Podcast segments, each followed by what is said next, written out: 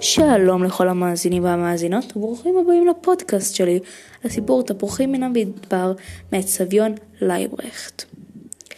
הדבר הראשון שאני אדבר עליו הוא ההבדלים בין הסיפור לסדרה, שראיתי לפני כמה ימים ושודרה בכאן 11. היא מאוד מומלצת ועל כך נדבר כבר בפודקאסט הבא. אז השוני הבולט ביותר בין הסדרה לספר הוא שהדמויות השטוחות כגון רבקה, אביה, בן זוגה, מקבלות נפח בסדרה, מראים אותם יותר, יש להם טקסט שמאפשר לנו, הצופים, להכיר צדדים שונים שלהם, ולכן הדמות המרכזית בסיפור, אמה של רבקה ויקטוריה, פחות בולטת בסדרה. בסיפור אמה של רבקה במרכז, ובסדרה רבקה במרכז. הדבר השני שנדבר עליו היא תחילת העלילה. העלילה בסיפור מתחילה מנסיעתה של ויקטוריה לרבקה, והסיפור מתחיל מזווית ראייתה של, של ויקטוריה כאימא. ואילו הסדרה מתחילה בשכונה חרדית, ומזווית ראייתה של רבקה כנערה.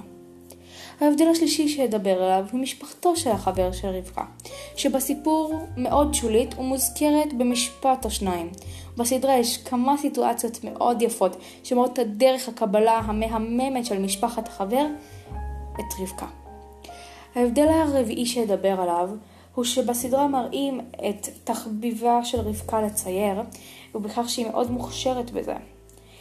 ולעומת זאת בסיפור בכלל לא מדברים על תחביבה של רבקה. ולסיכום, אני חושבת שקשר בין חילוני לדתייה הוא להפך. אפשרי כל עוד בני הזוג ניחנים בתכונות מהממות כמו סבלנות ואמפתיה, יכולת להתפשר וכבוד הדדי. יש אתגרים שונים בקשר כזה, כמו שמירת שבת למשל, על ידי אחד מבני הזוג, שיכולה להוביל לכך שהם לא ייפגשו בסופ"שים, ויש נוספים אותם אוכל לפרט בפודקאסט הבא.